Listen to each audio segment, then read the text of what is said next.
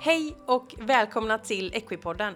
En hästpodd som tar upp hela hästen. Med mig, Elin Weiner.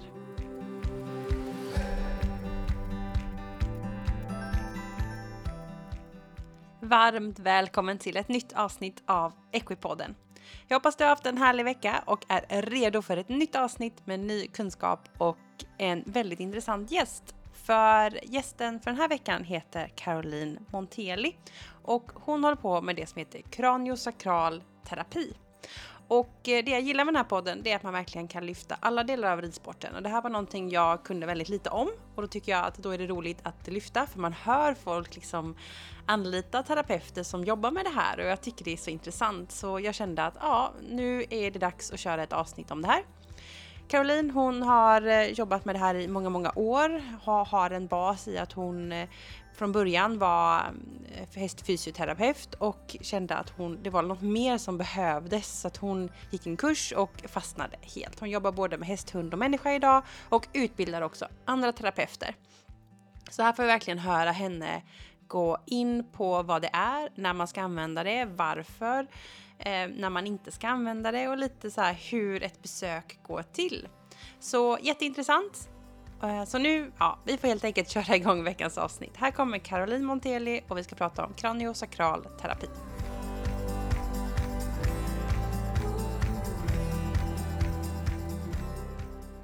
Så där, då vill jag hälsa välkommen eh, Caroline Monteli. Hej! Hej, tack! Välkommen till Göteborg. Ja, tack så mycket! nu är ju du typ härifrån. Så ja, det är jag ju. och bor inte jättelångt bort. Nej, jag bor på Tjörn. Ja. Jag bor precis på gränsen mellan Tjörn och Orust, Ja. på Mjörn. Mjörn. Inte sjön Mjörn, utan Nej, ön platsen ön. ja, precis. Så det är inte så långt. Nej, det är inte så långt. Men det är kul att liksom ses och podda. För Ja. ibland är det på distans och det är väldigt kul att Mm. ses. Då blir det alltid lite trevligt samspel. Sådär. Och vi ska ju prata om det här som heter kraniosakral terapi. Ja, Vi kanske vill korta det lite KS. det gör vi. Ja, det Mm. känns väl bäst. Det känns väldigt bra. Det- Man får bara inte tro att det är kollodialt silver då. Ja, nej, nej. Eller något annat konstigt. Ehm, och du håller ju på med det här och du Mm. utbildar terapeuter också. Ja, Och så driver du ju en gård som Ja, det heter. Apelgården. Ja. Och där det är lite kurser och eh, utbildningar och eh, har jag spanat in. Och behandlingar. Ja. Det är det. Så det här är ju temat och vi ska ta oss in i det. Mm. Men eh, du kan väl börja med att berätta vem du är? Ja, ja. Ja, jag kan ju börja lite grann eftersom det är häst bland annat. Precis. kan jag ju börja med hur det började. Ja. Jag ska göra en lång historia kort. När jag var fem år gammal så fick jag för första gången sitta på en häst och då fick Ja. jag sitta på hingsten Immer nere på Flyinge. Och jädrar, det var Ja, bra start. det var en väldigt, väldigt bra start. Eh, och eh, då fick jag blodad tand. Mm, förstår det. Så jag har vuxit upp i en familj eh, där jag var den enda som var intresserad egentligen utav hästar och Jaha. hundar. Mm. Eh, Men jag framtvingade att jag fick börja ta ridlektioner ganska tidigt. Jag var en envis eh, tjej så jag sparade ihop till min första hund Mm. som jag köpte när jag var sju. Oj jäklar, bra jobbat! Ja, det var bra jobbat. Det var ingen som trodde att jag skulle klara det. Det var Nej. därför de sa att det var okej om jag Ja. sparade. Det brukar vara så, man liksom genomskådar barnen lite och Mm. gav vi upp men nej. Mm. Men vad gjorde du då? Typ sålde bullar eller? Nej, det var inte riktigt så. Jag var ju bara fem när jag började spara. Ja precis. Så det var mera att när, när folk skulle ge mig presenter så bad jag få byta det till pengar. Ah, smart! Ja, och jäklar. avstod från godis och, Ja. och sådär. Ja. Och, eh, och sen så fick jag väl lite support av äldre släktingar som säkert tyckte att jag var ganska duktig då. Fast ingen sa något. Ja. Så var det när man var liten, morfar fick en 20 Ja, sådär. lite så. Ja. det var inte en 20 på min tid men ändå. Ja. Eh, Så, att, så småningom så hade jag fått ihop tillräckligt mycket. Wow. Så då, då blev det en liten hund Mm. ja, som faktiskt blev 18 år. Wow, Mm. det är inte illa. Nej, det var inte illa. Kul! Ja, eh, men det hjälpte inte för hästarna var ändå det som dominerade. Mm. Så att eh, ja, ganska tidigt så började jag hänga i stall. Mina föräldrar förstod ju inte att de skulle köpa häst till mig. Nej. Så att jag fick ju ordna det på egen hand. Mm. Eh, Så jag hängde väldigt mycket i stall och Mm. hamnade så småningom uppe i Balltorp där det var Mm. mycket travhästar. Just det. Och red mycket travhästar, lärde mig otroligt mycket på det Mm. samtidigt som jag red lektioner. Mm. Eh, Och det där hästintresset har följt mig sedan hela livet. Mm. Eh, För en del går det över och för andra gör det det inte. Nej precis, man brukar säga en gång hästtjej, alltid hästtjej. Ja, Oftast en liten paus någonstans kanske. precis. Sen utbildade jag mig inom helt annat men jag fortsatte Mm. att rida. Och eh, höll ridningen vid liv. Mm. Kul! Ja, och i vuxen ålder när jag hade kom, kommit ut på arbetsmarknad och annars så köpte jag min första häst. Mm. Jag köpte våra första två hästar för då köpte jag en till mig och en till min dotter. Såklart. Ja. Och då gjorde jag det här klassiska som må- många terapeuter har, har gjort. Att jag köpte en häst som jag provred Mm. såklart. Mm. Ja. Och, och det var en islänning Mm. och jag har ridit, aldrig, alltid ridit stora hästar. Mm. Jag tyckte egentligen att det här med islands hästar, eh, det var väl lite ponny. Men jag hade haft en svår skada i min rygg som inte var Mm. hästrelaterad. Mm. Så jag kände att fallhöjden var lite bättre. Precis, och de har ju lite rykte om sig att vara lite trygga och trevliga. Ja, precis. Liksom. Ja. Men eh, eh, ja, det var inte riktigt den hästen jag fick hem då. Nej. Så att jag förstod ju att eh, han var ganska kuvad där han hade stått. Mm. Mm. Så att när han kom hem så ville han inte alls ha någon på ryggen. Nej. Och eh, jag kände väldigt snabbt eh, när han skulle skos att han hade problem med vad jag då eh, tolkade som ischiasnerven. Mm. Han hade svårt att lyfta ett ben. Mm. Så där började min resa för sådär. Han dog för ett och ett halvt år sedan, då var han 37 år gammal. Va? Den andra dog i våras, 39 år gammal. Det måste ju vara de äldsta typ i Sverige nästan. Ja, det vet jag inte, men de var fräscha ändå. Men då sa de att nu, nu är det färdigt. Ja. Eh, Så att då kom jag i kontakt eh, med en hästfysioterapeututbildning. Mm. Jag sökte veterinärer och andra och alla sa liksom, men rid till honom bara så Ja, blir det ju precis. bra. Lite hårda skolan så. Lite hårda skolan Mm. så, det var inte riktigt eh, min melodi. Mm. Så att eh, då fick jag nys om den här hästfysioterapeututbildningen Mm. som drevs av en veterinär och en eh, egentligen sjuksköterska men också Mm. eh, väldigt mycket fysioterapeutiskt inriktad. Förstår. Kul. Och de kom på praktik till mina hästar Mm. Och eh, de bekräftade mig väldigt i att jo, men han hade ju faktiskt ont i ryggen och Ja. säkert också i ischiasnerven.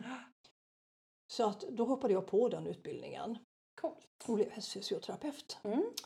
Och gjorde... Var är vi nu i tid? Typ? Då är vi i tid, vad kan det vara nu? Det är väl 30 år sedan ungefär. Ja. Mm, så Mm. det är ganska långt Ett tillbaka. tag tillbaka. Ja. Och det var inte mitt yrke utan det var mera en hobby för att hålla våra egna hästar friska Mm. och kompisars hästar friska. Och så småningom så sa mina hästar att du kan gärna hitta några andra att träna på. Vi börjar tycka att det är lite tjatigt. Roligt. ja. så då blev det ju så att jag började att behandla Mm. andras hästar. Mm. Eh, Och fick eh, bra resultat på det. Men jag kände hela tiden att det var någonting jag kände när jag gick igenom hästarna, när jag behandlade, som jag inte riktigt kom åt. Okej. Mm. Och sen för lite drygt 20 år sedan Mm. så flyttade vi från Göteborg till Tjörn. Mm. Och då bestämde jag mig också för att jag skulle byta liv. Mm. Eh, Och då var jag inriktad på att jag skulle jobba med hästar, egentligen inte människor, Mm. men Mm. hästar. Mm. och hade tänkt att jag skulle vidareutbilda mig inom osteopati. Mm. Eh, Men ramlade egentligen av en slump på det här som jag då tyckte konstiga ordet kraniosakralterapi. Precis. Det var en introduktionsutbildning i kraniosakralterapi Mhm. eh, som skulle hållas i Sverige, i Stockholm. Mm. Och jag vet fortfarande inte riktigt varför jag anmälde mig, men det gjorde jag. Och från det ögonblicket så hade jag hittat hem. Det var så? Ja, då visste jag att det här har jag sökt efter i hela mitt liv. Ja, cool. Ja, jag läste medicin en, period som eh, ung. Mm. Eh, hoppade av, kände att det var inte det. Mm. Förstår. Eh, så det blev helt andra saker. Men det här var att hitta hem. Häftigt. Ja, så sen dess har jag varit ohjälpligt fast i det. Ja, så jag utbildade mig och jag förstod efter ett tag att eh, ska jag arbeta med häst så måste jag faktiskt också arbeta med hästens människor. Ja, det brukar bli så. Därför att det hänger ju ihop. Ja, eller hur? Ja. och jag har ju själv haft hundar hela livet sedan den här första hunden. Mm. Och hästmänniskor har hundar så att ja, Det- det, så det. blev hundar också. Mm. Så att eh, jag började med häst, jag vidareutbildade mig på människa Mm. Eh, och jag fick själv skapa hundutbildningen för det fanns ingen som utbildade på hund på den tiden. Nej, jag förstår. Mm. Eh, Så att jag började med att behandla och sen så kände jag, jag har undervisat ganska mycket i mitt liv, eh, tidigare liv. Mm. Och ehm, då, då kände jag att nej, men jag vill verkligen att det här ska etableras ordentligt i Sverige för min lärare bodde i Australien. Mm. Mm. Så då så startade jag Mm. att utbilda på häst och på hund och Mm. sen så fortbildar jag de terapeuterna vidare på människa som en fördjupningsutbildning. Ah, så det är först djuren och sen människan? Ja, Spännande. och man kan ju läsa människa direkt då men Mm. jag upptäckte när jag hade börjat med häst och sen läste människa Mm. att när man arbetar med djur så tränar man sin känslighet så mycket därför att Mm. djuren, djuren berättar inte. Nej, precis. Jo, det gör de, De men inte med signalerna ord. liksom. Det är signalerna och, och väldigt mycket våga lita på den här eh, det. känslan man får, att få den bekräftad. Fattar. Och det har man så gott av när man arbetar med människor sen. Mm. Förstår Och det. djur har inte heller den här placeboeffekten. De kliar sig inte i huvudet och säger undrar om den här människan kan Ja, något. men eller hur, eller hur. Utan de är väldigt är så direkta. Ja. Precis. Ja. Nej, men så är det ju för att om man masserar en människa kan jag ju säga ja, för hårt eller för löst. Alltså man, de kan ju, man kan ju bli styrd ganska exakt. Absolut. Medan djuren är verkligen ett Mm. litet öra, en liten blick Ja. eller kanske lite med svansen. Ja. Ja. Till att såklart, de kan ju säga till på allvar också. Ja. Eh, men väldigt Mm. annorlunda. Så är det. Så Det är ju lite smart att tänka så. ja, den stora resan för mig har, har nog varit i det här att eh, jag är ju naturvetare egentligen i botten. Mm. Det är bra. ja. Eh, Men det innebär ju också att man är så himla tränad i att man ska eh, kunna förstå och härleda saker. Jajamän. Eh, Och det har inte alltid gått i, i det här. Nej. Eh, Så jag har haft lite avinlärning på vägen. Mm. Spännande. Ja. Det får vi dyka in i om en stund då. Men eh, hur länge har du liksom utbildat andra terapeuter? Nu har jag utbildat andra terapeuter i, jag är nog inne på tolfte året nu. Mm. Och utbildningen är två och ett halvt år. Ja. Så att eh, det blir ju inte så många åt gången. Nej, precis. Jag arbetar också med små grupper. Jag har, Mm. eh, vill inte ha mer än åtta deltagare. Nej, så att man ska hinna med. Ja, Mm. så att man hinner att följa var och en och Mm. hinner att handleda och Mm. känna att det blir bra kvalitet. Hur stort är det här i Sverige? Idag liksom? börjar bli stort. Eh, när jag började då, och jag vet vi var med på Eurohorse eh, för kanske ja, 12 år sedan eller någonting första Mm. gången. Mm. Då, då snubblade ju alla på namnet Ja, kraniosakral svårt att terapi. säga. och nästan jag själv också. ja. Eh, från att eh, när vi var med senast, det är ett par år sedan nu, Mm. eh, så sökte sig folk till oss. Mm. För att man hade ändå Man- hört man det här hört- ordet. ja. Precis. Ja. Man var lite nyfiken. Och var lite nyfiken. Så att intresset det växer skulle jag Ja. säga. Mer och mer medvetenhet. Ja, väldigt mycket mer. Ja, vad kul. Mm, Det är jätteroligt. Ja, Mm. får vi se då. Men då finns, det, då finns det ändå lite terapeuter ute som är aktiva i Sverige. Ja, på humansidan finns det väldigt många terapeuter som Mm. är aktiva. Mm. Och eh, på djursidan så är vi väl kanske ett eh, ja, 60-70-tal låter ju inte så mycket men det är Nej. ändå en hel del. Ja, det blir ändå lite täckning. Och det så. blir lite täckning Mm. och sen är det vissa områden där vi skulle vilja ha mer täckning. Ja, men så är det ju alltid. Ja, Vissa men, eh, ställen är svårare att komma åt. Så är det. Ja, Ja. ja, eller att man känner sig ensam eftersom eh, man Mm. Ja, ofta vill ha precis. bollplank. eh, Så är det. Och så. Men eh, det är undan för undan, intresset växer. Och Mm. det är väldigt många som söker sig till utbildningen det. eh, och det är jättekul. Mm. Mm. Coolt. Vi ska ta oss in lite på vad det här är nu då. Mm. Och eh, min sambo han frågade mig så här, ah, men vad ska nästa veckas avsnitt handla om? Och då sa jag så här, ah, men jag ska träffa en som håller på med kraniosakral terapi. Och han, jag sa ju det till han Mm. läser till sjukgymnast. Han Mm. stannade upp och tittade på mig och sa, jaha, är det då från, eh, från kraniet, från huvudet ner till ländryggen eller? Jag bara ja. det är det ju. det hade jag läst det på din hemsida. Det var så kul hur han liksom härledde ordet. Ja, För det är, det är väl typ det det betyder eller? Ja, det gör det och det är Mm. lite missvisande. Eh, Det här har ju faktiskt anor ifrån slutet av 1800-talet. Jaha, där ser man. Ja, ja, då var det en doktor Still Aha. eh, som började. Han var både läkare och eh, präst. Och han var pappan till det som blev osteopati Mm, kan man säga. just det. Mm. Och kraniosakral, ja kranium är ju huvud och Mm. sakrum är ju korsben. Och rygg, ryggraden går däremellan. Ja. Och eh, vi har en ryggmärg där inne också. Mm. Eh, Och det, det var det man började med därför att man intresserade sig för att i eh, ryggmärgen, och vårt huvud kan man ju säga, Mm. Badar i lite vätska. Jajamän. Och det gör Ja. också vår ryggmärg. Ja, precis. Eh, Det som man kallar för cerebrospinalvätska. Jajamän. Och den är som ett halvhydrauliskt system när den Mm. pumpar så här upp och ner i, Mm. i kroppen. Mm. Och, och då uttrycker den någonting som vi kallar för en tide eller en rytm eller en Mm. vågrörelse. Du vet, du har ebb och Ja. flod. Ja, precis. Fattar. Eh, och det upptäckte man då. Ah. Eh, och det gav lite upphov till namnet kraniosakral terapi. Just det, att det är däremellan. Ja, Ja. lite missvisande idag därför att ja, det styr väldigt mycket ut i hela kroppen där vi består av vätska. Mm. Men kraniosakral terapi arbetar egentligen från toppen av din skalle till Mm. ner under fotsulorna. ja, hela, hela, Hela, kroppen. hela kroppen och inte bara kroppen utan också väldigt mycket annat. Förstår. Ja, Så man inte begränsar sig bara till nej, halva kan man ju nästan säga. nej Om man inte precis. skulle få med benen. Nej, lite Mm. så. Ja. Mm. Eh, Men eh, så, så, så blev namnet i alla fall. Därifrån kommer det. Ja, Ja. och kraniosakral terapi kan man säga blev en egen disciplin på 70-talet. Mm. Är det ur ostea... Ur osteopati. Mm. Ja. Mm.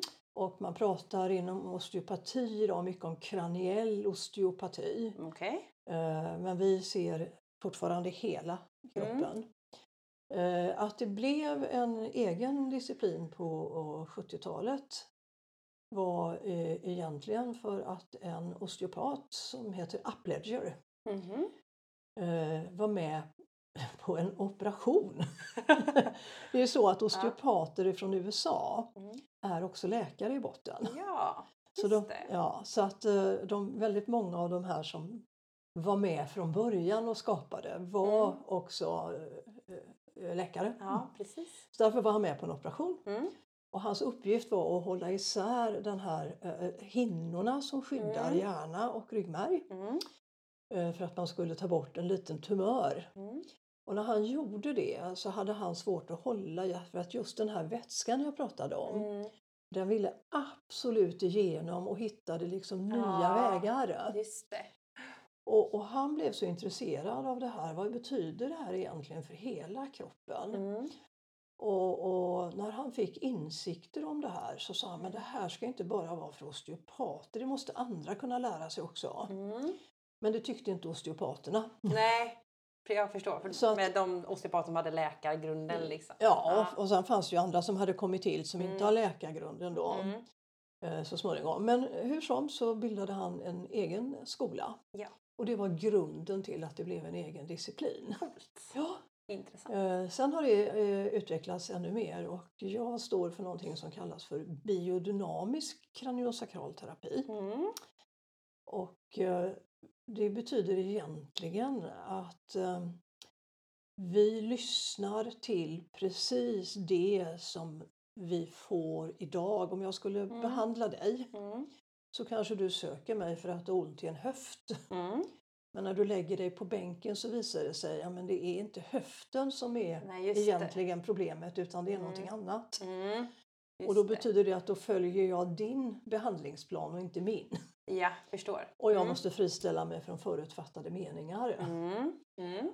Och det är det som är så fantastiskt med hästar då. Ja, exakt. Att man kan göra det.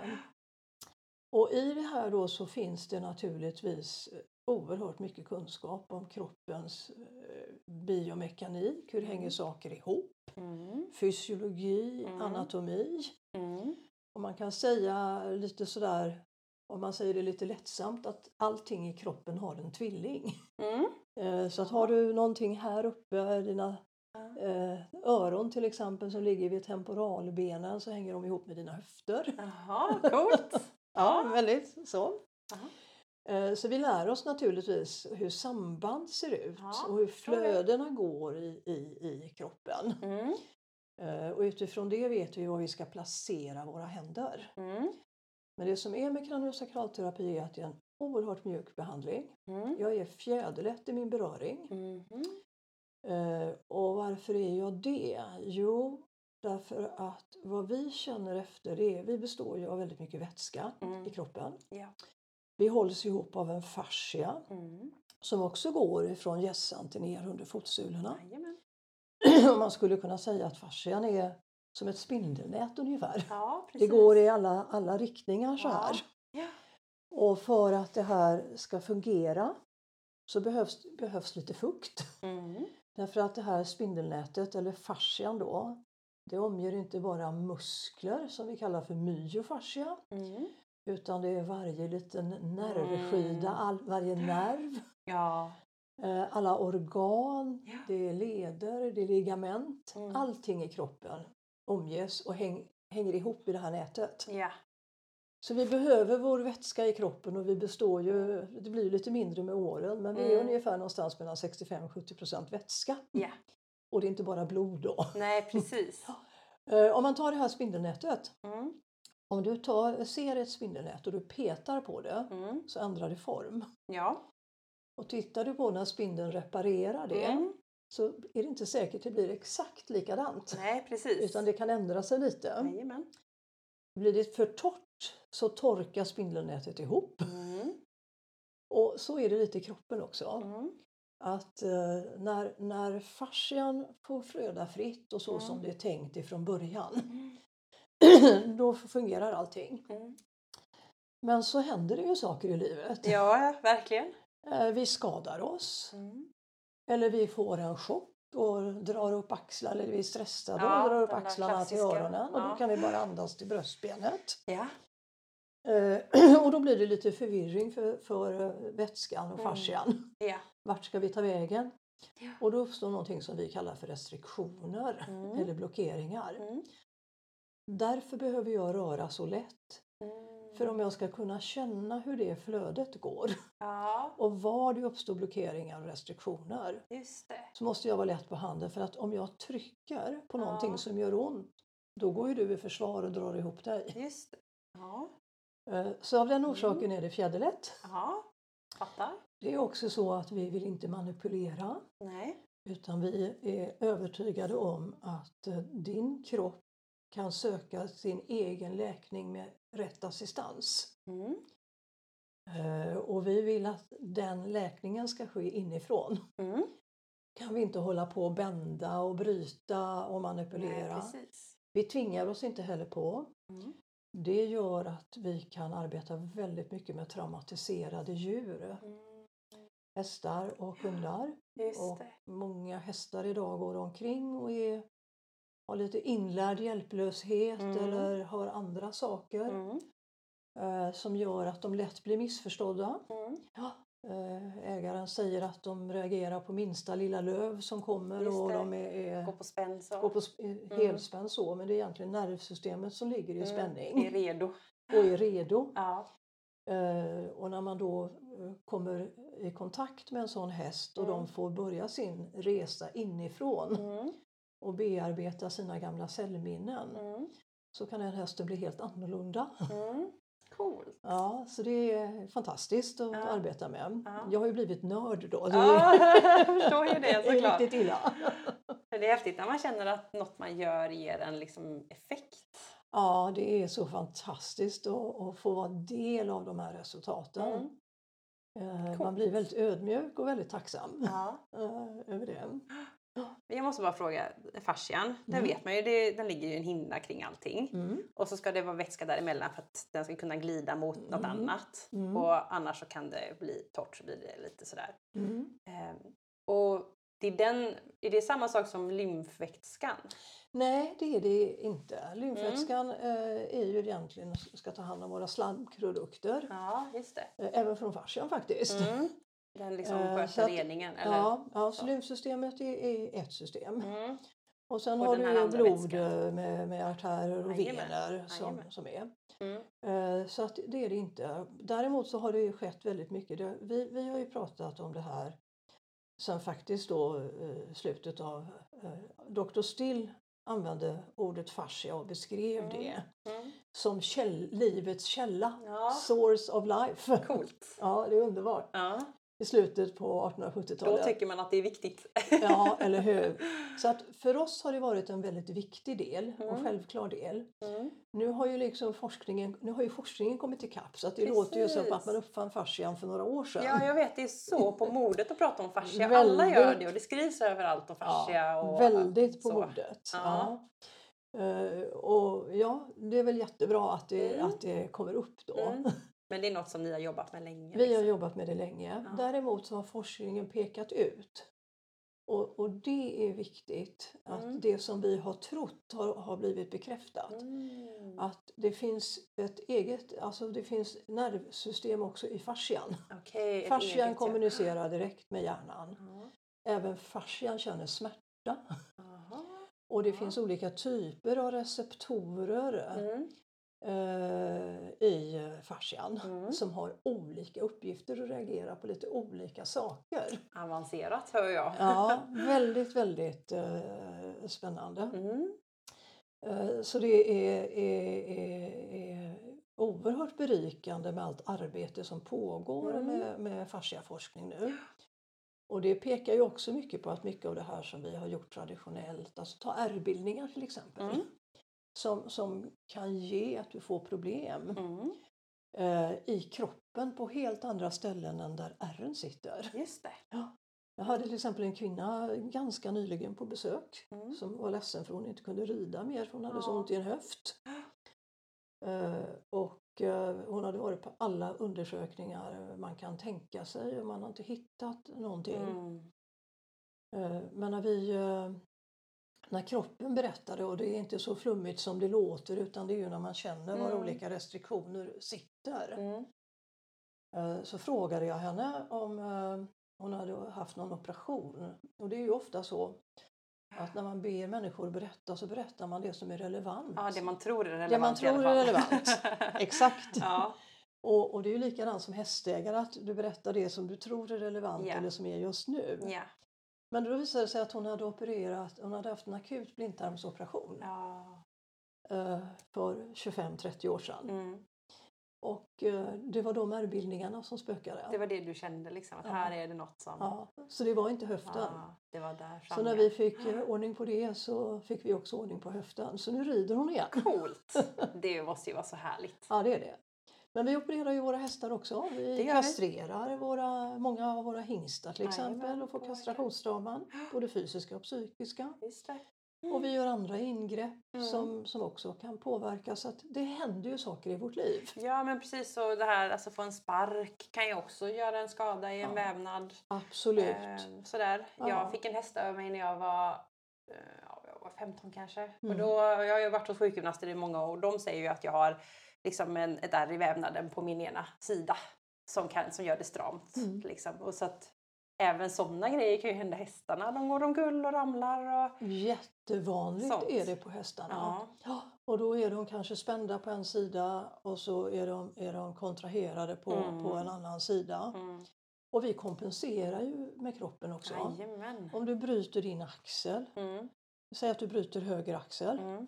Då drar du upp den så här till örat för att skydda den. Ja. Utan att jag tänker på det. Utan att du tänker ja, på det. Men gör, kroppen gör ju det Kroppen bara. gör det. Och det spelar ingen roll om du är medveten. Jag bröt min axel i februari Ja, och jag är ju ganska medveten Ja. och jag är helt tillbaka. coolt. Men jag fick verkligen tänka, det man gör då det är att man lägger vikten på vänster höft. Ja. Och sen så kanske man också står och hänger på knät på höger liksom Ja. för att kroppen blir ju så.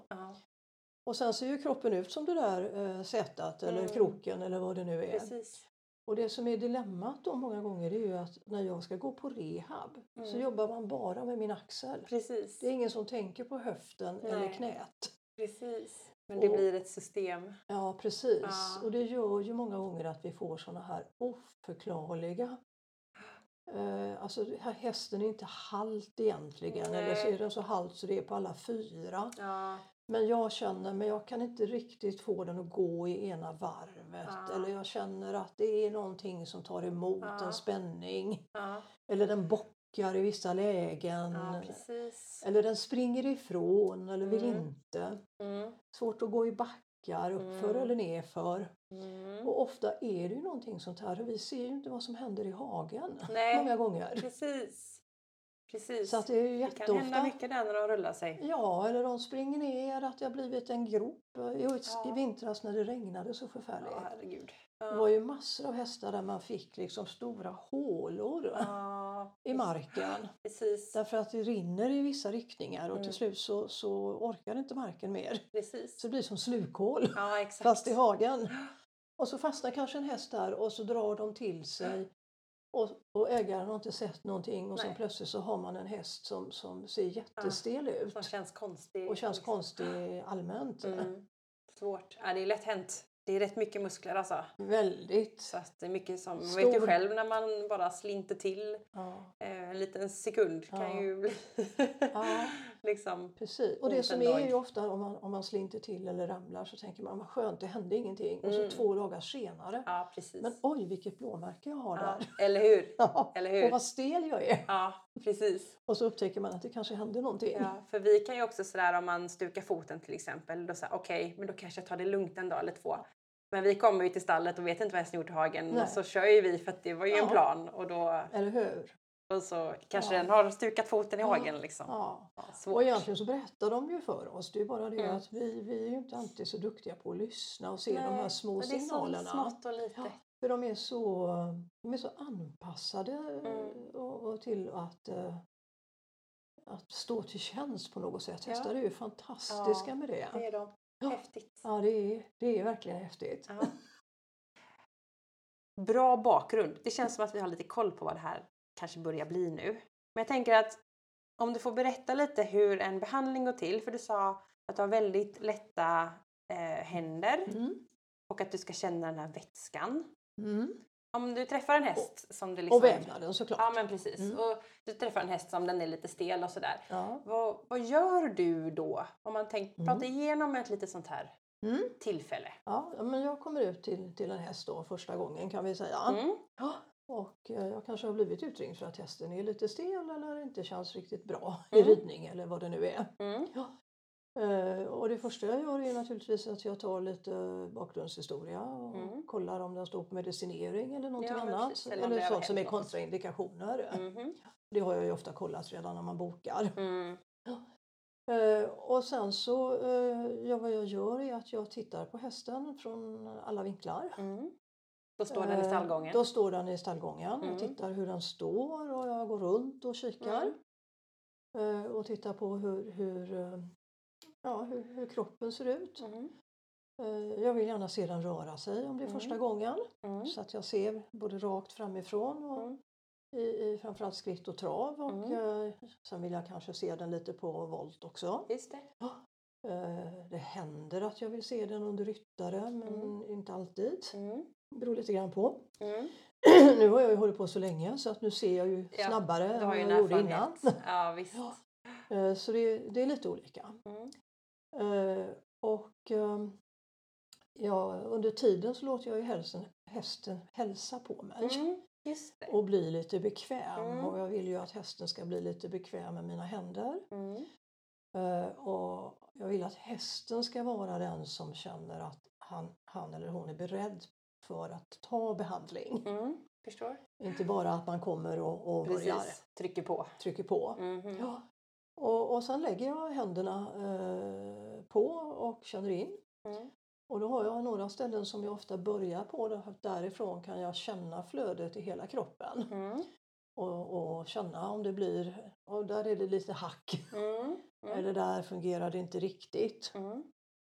Och när hästarna känner att det här är den här mjuka behandlingen så börjar, brukar de ofta bli lite överraskade. Mm. De är beredda att det ska komma Många hästar är ju vana vid att det kommer någon, ja, sportmassage eller någon maskin eller Mm. någonting annat. Mm. Eh, Så de, de blir lite överrumplade många gånger. Mm. Förstår. Eh, Men då börjar de ofta också att visa. Jag vill Mm. helst inte att de ska stå uppbundna. Nej. Om de kan stå stilla liksom. Ja, och det gör inget om de rör lite på sig. Mm. Det är klart de ska inte gå iväg. Nej, inte rymma. Inte gå ut i hagen. inte rymma i hagen, ut i hagen eller till kompisarna. Ja, Eh, och jag ser gärna om man står i ett stall att de har någon kompis med sig. ja, De brukar hjälpa till också. Ja. Eh, och ja, så det kan bli så att de blir lite plockiga och tuggiga av behandlingen. Mm. Men ofta är det så att de börjar att titta någonstans så här. Mm. Där hör du. Där! Ja, Ja, just det. ja jaha, okej. Mm. Och jag kanske har sett det men Mm. inte börjat där. Och de, de är väldigt duktiga på att visa sin egen dagordning. Coolt. Så det är, är ja. Sen är det olika, alla gör det inte första gången men Nej. nästan alla gör det andra eller tredje Ja, gången. det beror på ditt Ja. förhållande och förtroende liksom. Ja. Och sen är det, är det lite som att skala en lök. Ja. Man börjar med höljet Mm. och det innebär ofta att det är kompensationerna som kommer upp Ja. som, som hästen har gjort. Mm. Och det man får vara lite aktsam om då, det är ju, då har jag, det har jag gärna pratat med ägaren innan om att hästen ska få vila ett par dagar efter en behandling. Mm. Eh, därför att den här behandlingen fortsätter långt efter Mm. att jag har lämnat den. Mm. Mm. Eh, och det är ju det att då sätter man kanske igång saker som eh, muskler som inte används så mycket på länge. Mm. Eh, och då Just blir det. ju träningsverk i, i det. Ja. Så det är viktigt att de får utrymme för att vila och processa. Mm. Behandlingen tar ungefär en timma Mm. Eh, och den brukar ju innefatta eh, hela hästen. Eller man börjar och, eh, ofta, jag börjar ofta i sakrum, det finns andra som börjar någon annanstans. Mm. Eller korsbenet då. Ja. Därifrån tycker jag man känner bra. Mm.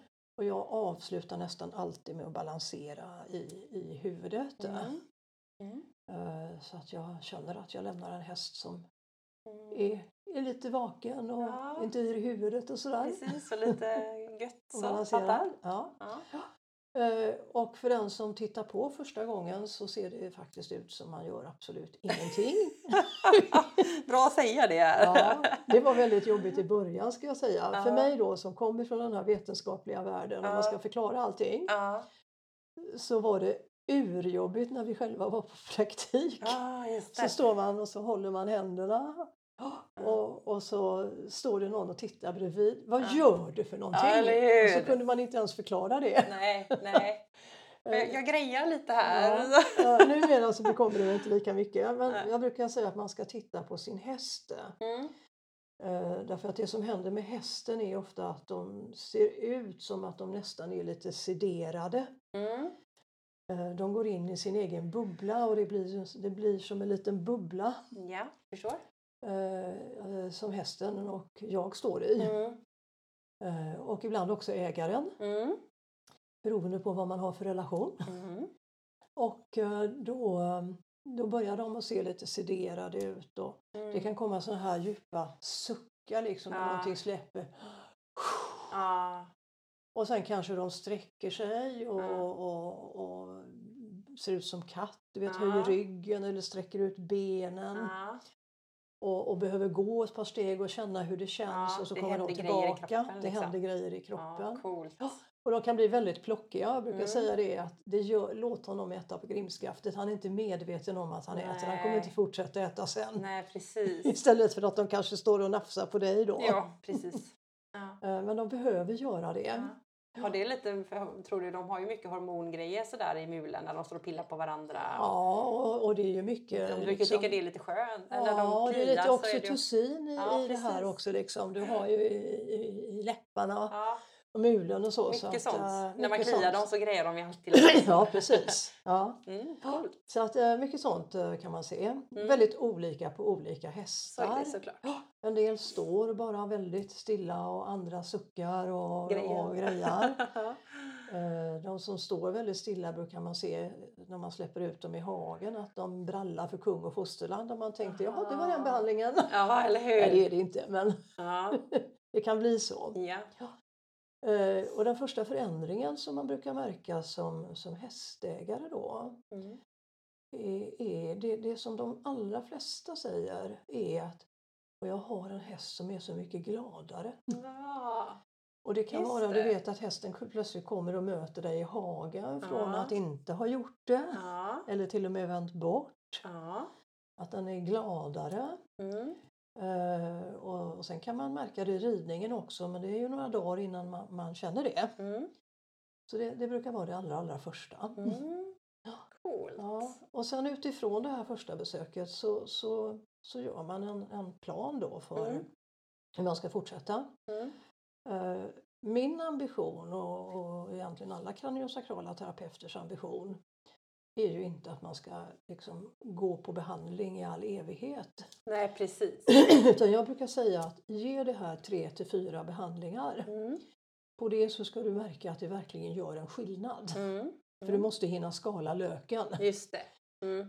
Men då ska du kunna märka att det har gjort en skillnad. Mm. Eh, och sen kan man se utifrån det och då beror det alldeles på vad, gör, vad är det för skada. Ja. Vad gör du med den här hästen? Har du en häst som du tävlar med då kanske du vill underhållsbehandla. Precis. Tävling är ju en stress med transporten Ja, och absolut, hög och prestation sådär. och sådär. Precis. Ja, och sen är ju livet en, en färskvara. Jajamän, ler i hage och... Ja, precis så. Så att det brukar, brukar att ge sig. Men Mm. det brukar krävas kanske tre, fyra behandlingar för att Mm. det verkligen ska bli en skillnad. Mm. Och sen brukar jag prata mycket med ägarna om vad, vad, vad man ska göra då för just den här hästen Just.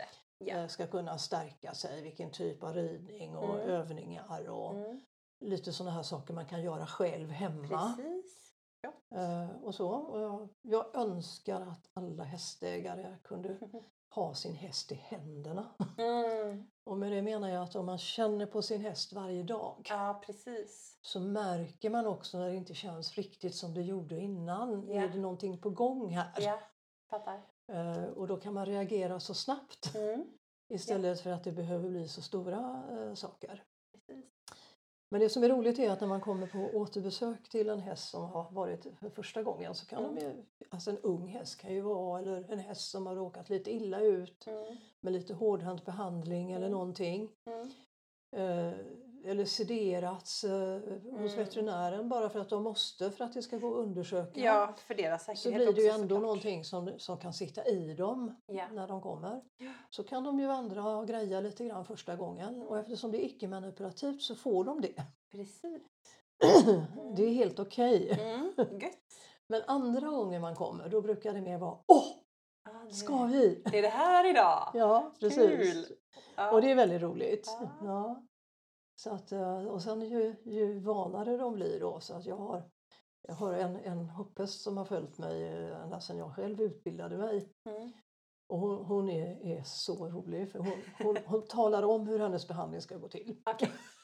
Det är ett sto alltså. Det är stor. ja. Ett fuktsto med många Okej. rävar bakom öronen. Jag förstår. Hon, Ja. hon vill ha det på sitt sätt. Och hon ska ha det på sitt sätt och i den ordningen. Jajamän. Det är bara att rätta in sig i ledet. Och sen när det är klart så säger jag ja det räcker, det är bra, tack för Ja. idag. Nej, vad roligt. Åh, det Ja, är så coolt. Ja. Ja. När man väl börjar lyssna Ja, så jag säger ja. de så mycket de här hästarna. Ja, Va? de gör ju det. Mm. Det är så roligt. Ja, det är kul. Men tanken är liksom att man kommer till en häst, känner, hittar vart det finns restriktioner Mm. och så försöker man vara där Ja. och skap, återskapa. Återskapa det friska. Just det. Ja. Mm. Och det är klart att det här som jag känner stämmer jag ju av med ägaren Ja, till hästen. precis. Att hur, hur är det när du rider? Mm. Eh, Känner du det här och det här? Mm, precis. Det är alltså utifrån det man ser på Ja, hästen. precis, Mm. precis. Om du känner någonting så brukar det kanske hänga ihop med att det är Ja, ja, stelt i höger varv. Då kan man ju fråga om det. ja typ eller så. att du rider i en backe eller när du hoppar att det blir Ja. väldigt flackt eller Ja, vad det nu är för någonting. Fattar. Mm. Okej. Och vi har ju touchat lite på varför. Men jag Mm. tänkte vi kunde gå in lite på så här. När ska man göra det här? När ska man inte göra det? Mm. Och lite varför. Eh, Jag tycker ju egentligen att det här är någonting som man kan göra också förebyggande. Mm. Eh, Och fick jag önska så är det någonting man skulle göra på alla unga hästar innan man sätter sig på dem. Ja. Mm. Så slipper man att rida in på skevheter. ja, det är svårt att börja på minus. Ja, men det är ju många som gör det därför Mm. att man tänker inte på det här att de har brallat i hagen och är lite skeva i Nej, bäckenet precis. eller har gått och kompenserat i bogarna eller Mm. någonting. Ja. Och så börjar man i lite uppförsbacke kanske. Ja. Och så är ju hästarna väldigt anpassningsbara då. ja. Eh, sen tycker jag naturligtvis att eh, när man har fått en skada Mm. så är det bra Mm. att göra det. Mm. Eh, eller om hästen har varit sjuk efter, eh, efter en kastration till Mm. exempel. När ärren har läkt och så, ett ingrepp, Ja. eh, är det också lämpligt. Mm. Eh, oförklarliga hältor där veterinärerna inte har hittat någon orsak men Ja, det precis. fortsätter. Ja. Så, så kan det också vara lämpligt. Många kommer ju när de har varit runt på allting annat. ja, Om jag får önska typ. så skulle, jag, så Mm. skulle det ju vara eh, en tidigare utväg. Mm. Så slipper man att lägga ut en massa pengar och Ja. hela resan. Mm. Självklart så ska man anlita veterinär eh, när det är relevant och vi Ja. ställer ju inga diagnoser. Precis. Eh, Så att det är väl lite när, när, när man ska, ska göra det. Mm. Sen så kanske man eh, gör en behandling och jag tycker har man börjat och det fungerar för hästen Mm. så kanske man ska gå igenom sin häst Mm. en till två gånger om året lite beroende på vad man använder den till. Just det. Det är lite skillnad på en skogsmulle, en, en Ja. ridskolehäst kan ju behöva oftare. Precis. Eller en tävlingshäst på hög nivå. Eller tävlingshäst på hög nivå. Mm. Och jag har ju några tävlingshästar som jag behandlar väldigt intensivt under eh, tävlingssäsongen när man Mm. försöker hitta då ett par Just dagar det. efter en tävling Mm. och lite gott om tid till nästa. Just det. Eh, och då det har ju visat sig att de håller. Mm. Det är Eh, bra. Så att det är, är ju roligt. Mm. Ja. Eh, Så det är väl det. Föl. Eh, Fölko- jag har jobbat mycket med fölkorrigeringar i, i år. Mysigt. Ja, fantastiskt. Ja. Ja, Och det är så roligt därför att många gånger så är det liksom att de har kommit i lite kläm eller de Ja. har ramlat i lite hårt ja, och så och så är de, ser de lite exbenta ut Ja, eller lite precis. windsvepta. precis. Och så kan man utan större ingrepp åka med långa transporter och hjälpa Mm. dem. Just det. Och då brukar vi ofta skicka filmer till en klinik så att Mm. man har koll med veterinärer Ja, och hovslagare att eh, ser det här okej ut eller Mm. Precis. behöver man göra någonting mer? Ja, det går ju så fort med fölen också. De kan ju växa och så. Ja. Och jag tänker lite sådär unghästar, alltså det, det vet man ju själv man har på med unghästar att Mm. Plötsligt så har de vuxit några centimeter bak och det måste ju ändå vara ganska påfrestande jag tänker på fascian om de plötsligt blir i nedförsbacke för det ska de ju inte vara liksom. Nej, Utan det blir lite skevt. det är klart så. att det är lite skevt och då får man ju tänka sig för lite grann vad man gör med dem den, Ja. under den tiden. Precis. Och, så, och vi pratar om växtverk på barn. Ja.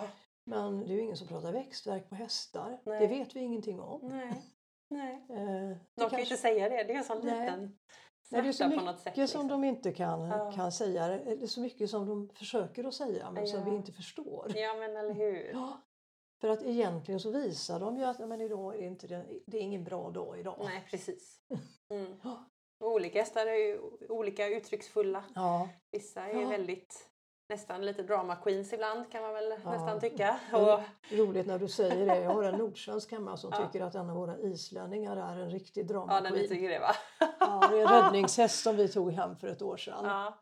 Eh, och eh, han har eh, haft mycket eh, Ja, han har, han har posttraumatisk stress skulle jag säga. Ja. Eh, Så han eh, bär sig åt ibland. ja, minsta lilla blir. Minsta lilla. Mycket. När jag ser på min nordsvensk liksom. Åh, Vad roligt! In, dra inte igång nu igen ja, liksom. lite så. Vad roligt. Nej men det är så, vissa Mm. Verkar ju kunna gå med hur mycket som helst och hur nöjda som helst med Ja. det och inte... Men det är ju ofta de hästarna som, som lite grann har checkat ut. Mm, Jag, jag är här fysiskt men inte mentalt. Exakt. Och vi kallar dem för snälla hästar Mm. ibland. Man kan Jajamän. göra vad som helst. Jajamän. Ja, men alla snälla hästar Mm. kanske inte är riktigt med oss. Exakt. Därmed inte sagt att det gäller alla. Nej. Eh, Men lite uppmärksam kanske man ska vara ibland. Och inte bara tänka att jag är en snäll häst. Liksom. Nej, Man tänker att precis. är den snäll av någon Mm. annan anledning. Ja. Ja. Och om man får liksom släpa hästen från hagen så kanske man ska fundera på om det är något speciellt om man inte brukar eh, Nej, få precis. göra det. Det är väl Alltså det det här också. som avviker då, att man Ja, lär sig att titta. För om den alltid är på ett sätt och så blir det, det är ju det som är det viktiga. Ja, För de är ju precis. personligheter. Ja. Vissa Ja. hästar gillar att vara i hagen och då är Mm. det inte alltid jättekul att gå Nej. in liksom. Det, det man också eh, anlitar oss mycket, mer och mer för det är Mm. ju just det här med, med trauma av olika slag. Ja. Mm. Eh, både på hästsidan och också på, väldigt mycket på hundsidan. Ja. Eh, och det är ju också det här att det är icke-tvingande för hund. Mm. Eh, vi använder ju inte munkorgar och, och Mm. annat. Mm. Eh, men nu är det ju häst och, och hästar har ju många typer av trauma som också kan uttrycka sig som en, en förändring i beteendet. Mm. Eh, Man kanske har fått en ny boxgranne Ja, och blir jättestressad därför att det Jajamän. stämmer inte riktigt. Ja. Eller en ny ägare. Ja. Och det tar ju sin tid innan man lär känna varandra. Jajamän. Det är Annan typ av ridning. Ja. Allt nytt. Förlorat sin kompis. Ja. Avskild från sin mamma. Ja. Alltså det finns så många saker som är, är trauman som också Mm. påverkar i hästen. ja, visst. Eh, Så att när vi arbetar med kraniosakral så är det inte bara fysiskt utan det är väldigt mycket emotionellt Mm. också. Viktigt. Det är jätteviktigt. Mycket känslor som Ja. kommer upp, mycket trauman som kommer upp. Ja. Eh, Mycket som man liksom kan förlösa låter ju men eh, alltså få, få att släppa från kroppen. ja. Att det inte sit- sitter och håller den fast. Nej, precis. Så det tycker jag också är en viktig anledning till att söka en, Mm. en kraniosakralterapeut. Mm. Precis. Eh, För det är så, inte så många behandlingar som lyckas kombinera det. Jag fattar. Det är många som säger, typ, man säger att man importerat en häst kanske från Europa, Mm. eh, tar vi som exempel. Ja. Och man kanske köpte en väldigt lovande unghäst så kommer Mm. de och inte alls är riktigt det man trodde att det Nej, var. Nej. Lite som du berättade om där, att Ja. det kan ha varit lite den hårda skolan. Och, Ja, alltså jag har varit på provridningar när jag råkade bli tidig och hästen står sadlad och tränsad Mm. i gången. Blir jag så här, okej, jag skulle inte vara där förrän 45 minuter. Varför är hästen klar? Alltså, då Just blir man ju lite så här, då har de ju Ja. säkert ridit innan. Och jajamän. det, det är mycket man inte vet Väldigt när mycket man, man, köper inte vet. häst. Ja. Det kan ju verkligen, det kan gå jättebra Ja. men det kan också bli väldigt jobbigt. Ja, det kan bli jättejobbigt och egentligen så, så borde man kanske när man besiktigar hästar också anlita någon som tittar på det här. Mm. Eh, Som man inte tittar på på en besiktning. Nej precis, veterinären tittar ju objektiva. Liksom. Är den halt eller inte? Ja, men de är Mm. jätteduktiga på det och de tittar på, på mycket saker som är, Mm. är, är viktiga. Jajamän. Eh, Men det är inte alltid liksom rörelseapparaten i det perspektivet därför Mm. att hästen kan ju vara, ha rörelsestörningar utan att vara halt. Precis. Och då kanske det är så att om du ska köpa den här hästen så får du räkna med att du har ett halvårs eller ett års rehab. Ja, det är inte så roligt. Det är inte säkert att du är beredd på det. En del är Nej. ju beredda på det och säger jo men jag tar det. Ja. Och, och andra gör det inte. Och som du säger, alltså, många av de här hästarna som importeras eh, Hästar som har vuxit upp eh, på kontinenten har ju många gånger inte gått i stora hagar. Nej. Eh, kanske motioneras i skrittmaskin och ett ridhus och Ja. så släpper man ut dem inte ont anande så här. Ja, precis. Och de vet inte vart de ska ta vägen Nej. och blir jätterädda. Ja. Eh, Så att visst, och hästar från Island som kommer och har gått i Ja. stora flockar. ja, och plötsligt in i... Och plötsligt in och på Irland som har strosat och Mm. så har de ridits in lite snabbt och gått rakt, rakt fram. Ja, på ängen, full fart. Ja, typ. Lite så. Ja. Så att det finns mycket och mycket öststatshästar som Ja. också. ja, men eller hur. Ja, väldigt mycket. Och bara den här resan måste ju vara rätt tuff för dem. Ja, Men jag har faktiskt sett det en gång, en, eh, en, ett stall jag stod i, det här är också många år sedan, men så importerade en jättefin treåring från Tyskland och kommer Mm. hem. Och så hade vi gjort ordning en gräshage, för det var på sommaren, så de hade gjort en, en fyrkant eh, så att det inte skulle vara för stort. Så jag bara så här, mm. Nu har den åkt transport länge så hon hade Mm. gått med den så ville hon släppa ut den. Och för det är ju, vi vill ju ha hästarna ute. Och den fattade inte vad den skulle göra. Jag har aldrig sett det. Nej. Den gick runt och tittade och så var den nere och Ja. grejade i marken. Men Mm. den verkar som att den liksom inte hade betat. Nej. Det såg så konstigt ut. Mm. Ty, tyvärr är det inte helt ovanligt. Och de blir ju jätterädda så det är ju Ja. full, helt främmande för dem. Jättekonstigt. Så det blir ju- det mest naturliga Eller man hur? kan göra är Ja. att beta. Ja, det är, är liksom ursprunget 18 Mm. timmar per dygn Ja, helst. eller hur? Så konstigt. Ja, det är väldigt konstigt. Ja. Ja, det var en eh, parentes. Och ledsamt. Ja, Ja, men eh, det blev en jättetrevlig häst sen. ja kul. Så det var bra. Ja, ja Ehm, när man inte ska behandla frågar du? Ja. Ja, alltså man ska ju inte behandla hästar. Vi behandlar inte dräktiga ston. Nej. Eh, och eh, det är för att vi, vi vill inte påverka det som finns i magen. Nej, precis. Ja. Eh, så att det eh, gör vi inte överhuvudtaget. Mm. Eh, men det finns ju kontraindikationer naturligtvis också. Man Mm. behandlar inte en häst som har en infektion eller feber. Nej, precis. Och man behandlar, eh, alltså misstänker man att det behöv, behövs en veterinärutredning innan Ja. så ser man till att den får det. Ja. Eh, självklart, vi behandlar inte hästar som står på starkt smärtstillande därför att då Mm. känner man inte. För Nej, när, när jag pratar om att vi, vi känner i våra händer, alltså Mm. hela, hela nervsystemet är involverat i Mm. behandlingen. Ja, men eller hur. Ja, och då har man ju blockerat delar av, Ja. av det. Precis. Eh, Så att då tycker jag inte att man ska behandla. Nej. Vi behandlar inte direkt efter en eh, vaccination Mm. eller avmaskning. Då Mm. bör det gå tre fyra veckor. Ja, så pass. Därför att då har man ju mycket att ta hand om i kroppen. Precis. Precis. Eh, Och då ska man ju inte trigga eller göra någonting med det. Mm. Så det är också en eh, kontraindikation. Mm. Eh, Och om hovslagaren ska komma så får hovslagaren jättegärna komma före oss men inte direkt efter. Samma dygn. Ja. Eh, Och det är också onödigt att behandla om man ska ha ut eh, hästtandläkaren Mm. på eftermiddagen och jag kommer Ja. på förmiddagen. Precis. Betydligt bättre att vända på det i så fall. Ja, fattar. Ja. Eh, Det är, är väl lite sådant som, Mm. som vi eh, inte behandlar, eh, Precis. behandlar Ja. då. Ja, men det är rimligt. Och som sagt, vi får säga det igen. Veterinärvården, alltså vi har ju skyldighet. Om vi tror att ett djur är sjukt, då måste vi ta det till veterinären i första Men, hand. men liksom. självklart, och det är ju Så att, också eh, så att vi, vi får ju inte lov att ställa diagnoser. Precis. Hypoteser kan vi ha, men vill man Ja. ha en diagnos så är det till veterinär. Precis. Så den. Den är viktig att ha med sig, Mm. tänker jag. Nej, jag tycker ju det vore önskvärt att, man fick, eh, att vi kunde samarbeta mera Mm. över gränserna istället. Eller hur? Ja, det kommer så sakteliga. Man Ja, är mycket spännande. duktigare på det i andra länder. Ja, Mm. precis. Ehm, när vi pratar på en bra stund ser jag. Klockan går fort. Ja, det går väldigt fort.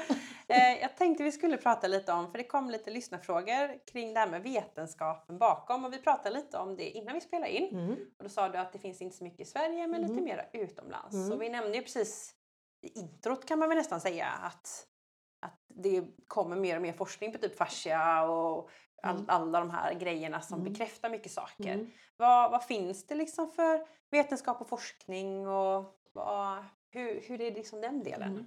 Ja, när det gäller kra- kraniosakralterapi så är det ju så att eh, den mesta vetenskapliga forskningen sker på människa. Mm. Men vi har ju gemensamt att vi är däggdjur. Ja, vi funkar ändå typ likadant. Men vi använder kroppen på lite olika sätt. Ja. Men mycket av den forskningen är ju, är väldigt eh, relevant Mm. även för, för häst. Då. Mm. Eh, och det sker mycket och det sker framförallt i Europa. Mig veterligt sker det ingen i Sverige. Nej. Därför att det går inte att få forskningsanslag. Nej, det är det också. Eh, Mm, och det, ja, det är ju det. Och ska man forska så ska det vara så att det blir vetenskapligt. Yes, viktigt. Och då är det ganska viktigt att man har ja, alla de här kriterierna uppfyllda. Jajamän. Eh, Men eh, utomlands finns det och det publiceras också en hel del, väldigt mycket artiklar. Mm. Eh, Framförallt i, i England, Tyskland är, Mm. är det väldigt stort. Mm. I Schweiz, I Mm. Schweiz är kraniosakralterapi en del av sjukvården. Jaha, Den allmänna sjukvården. visste jag inte. Nej, Coolt. vet du det? Ja. Ja, Schweiz är framme med mycket grejer alltså. ja Ett väldigt. spännande land. Ja, Mm. mycket Mm. på många områden. Ja. Och, och naturligtvis i, i USA också Mm. då. Och, och det publiceras ju ofta i, i olika tidskrifter då, alltså Mm. vetenskapliga tidskrifter. Mm. Så det kan man ju söka efter på, Ja. på olika fora på, på internet. Mm. Eh, På fascia finns det ju mycket forskning och där Mm. har ju eh, Vibeke Elbrund och Ricke Schultz eh, Mm. i Danmark Mm. Eh, tagit vid mycket med, med fascia, även om de då pratar om fascia lines. Mm, precis. Och, så. och för mig då så är, är, är ja, det är ett jättebra sätt att beskriva fascia men det är Mm. mycket ännu djupare än så därför att det blir Mm. mycket myofascia. Just det, förstår. Men, men det är ändå eh, en vetenskaplig grund till Ja. att det här faktiskt finns och existerar. Precis. eh, som är, är erkänd då. Mm. Eh, Så att eh, sen om man tittar eh, så är det också så att i, många länder så kan man få kraniosakral behandling på remiss. Ah, för djuren också liksom? Ja, Mm. även för djuren Mm. och framförallt för människor. Mm. Eh, men det finns veterinärer också som kan remittera i, i andra länder än i Sverige då. Mm. Här är vi ju inte så framme när det gäller att acceptera eh, komplementärmedicin. Just det. Det tog ganska lång tid för akupunkturen att bli godkänd också. Mm. Och då är det västländsk. ja, precis. Ja. Eh, Så det finns en hel del. Det finns mycket litteratur Mm. Som kommer. Det finns en hel del tvärvetenskaplig forskning också som är intressant. Mm. Eh, handlar mycket till exempel om vagusnerven, Mm. eh, sympatiska och parasympatiska nervsystemet eller gas och broms i, i kroppen. Och, och kopplingar till hormonsystemet till exempel. Mm. Som ju är en stor del av det vi arbetar med. Vi Mm. arbetar ju mycket med stress och utmattning och sånt Mm. också Mm. på, på människor, även på hästar då. Mm. Eh, så att, ehm, eh, och även när det gäller eh, trauma då så finns det väldigt mycket forskning som visar på Mm. att kraniosakral terapi är en väldigt effektiv behandling Mm. för till exempel posttraumatisk stress eller trauma generellt. Mm. Kul! Och även då för, för stressrelaterad problematik Ja. i, i kroppen som ofta har med vårt limbiska system eller våra körtlar att göra. Precis. Eh, Så att eh, om man vidgar liksom till vidvinkel Mm. så finns det mycket forskning som visar att kraniosakralterapi är någonting att räkna med. Mm. Kul! Eh, Och väldigt begränsat med, med smal eh, forskning. Mm. Om man i det säger ren eh, kraniosakralterapi. Mm. Men jag ska börja undervisa hos min lärare i England nu i höst. Kul! Jätteskojigt. Ja. Eh, Så jag kommer åka varannan månad. Ja. Och då, eh, där har de väldigt mycket eh, nätverk ut till Ja. forskningen. Kul! Eh, Så att det är roligt. Ja. Ja, så det kommer. Ja. Så det är mycket, mycket större eh, i, i Europa och, och på kontinenten Mm. eh, än vad det är i, i eh, Sverige. Mm. Tyvärr skulle jag väl eh, säga då. Mm. Vi har ett hus som vi hyr ut på sommaren och då kommer det ofta människor från Tyskland och Schweiz.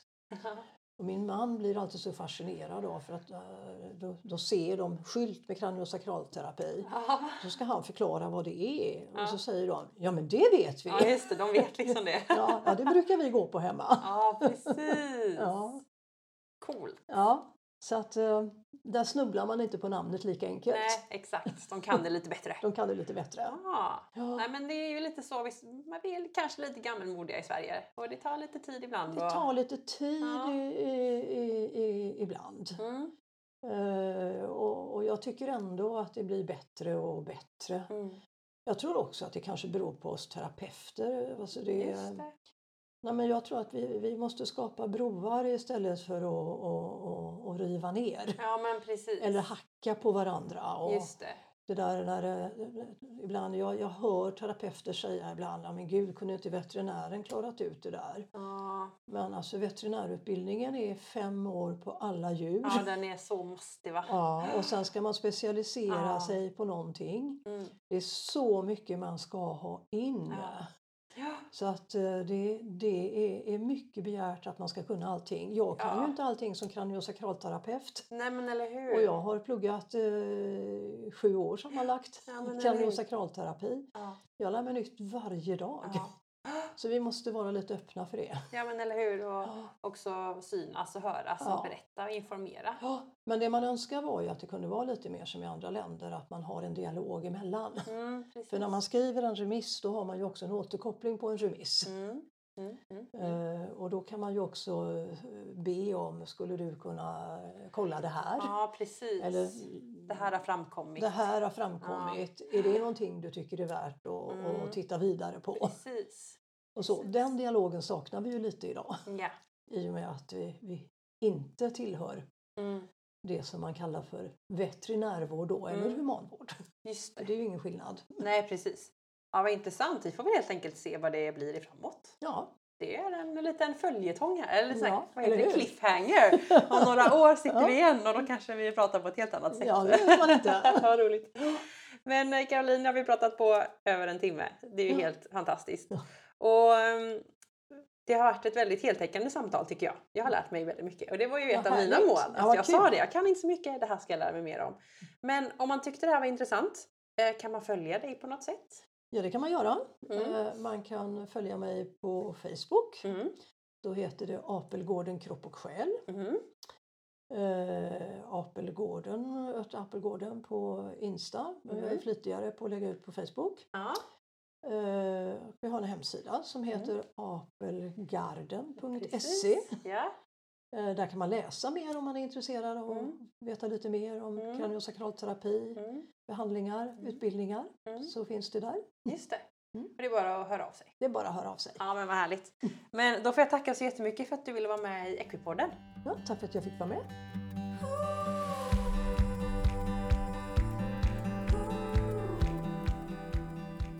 Ja, ännu ett avsnitt till ända. Så intressant och tack Caroline för att du vill vara med i Equipodden och berätta om vad kraniosakral terapi är för någonting. Och du som har lyssnat på det här nu eh, så tipsar jag om att gå in och följa Equipodden på sociala medier för där finns det massa roligt som man inte vill missa. Och eh, jag tipsar också om att där du har lyssnat nu kan man lämna lite recensioner. Man kan oftast sätta lite stjärnor för att fler ska hitta till podden och det hade jag tyckt varit väldigt roligt. Men eh, med det så tycker jag att vi avslutar så hörs vi snart igen. Hej då!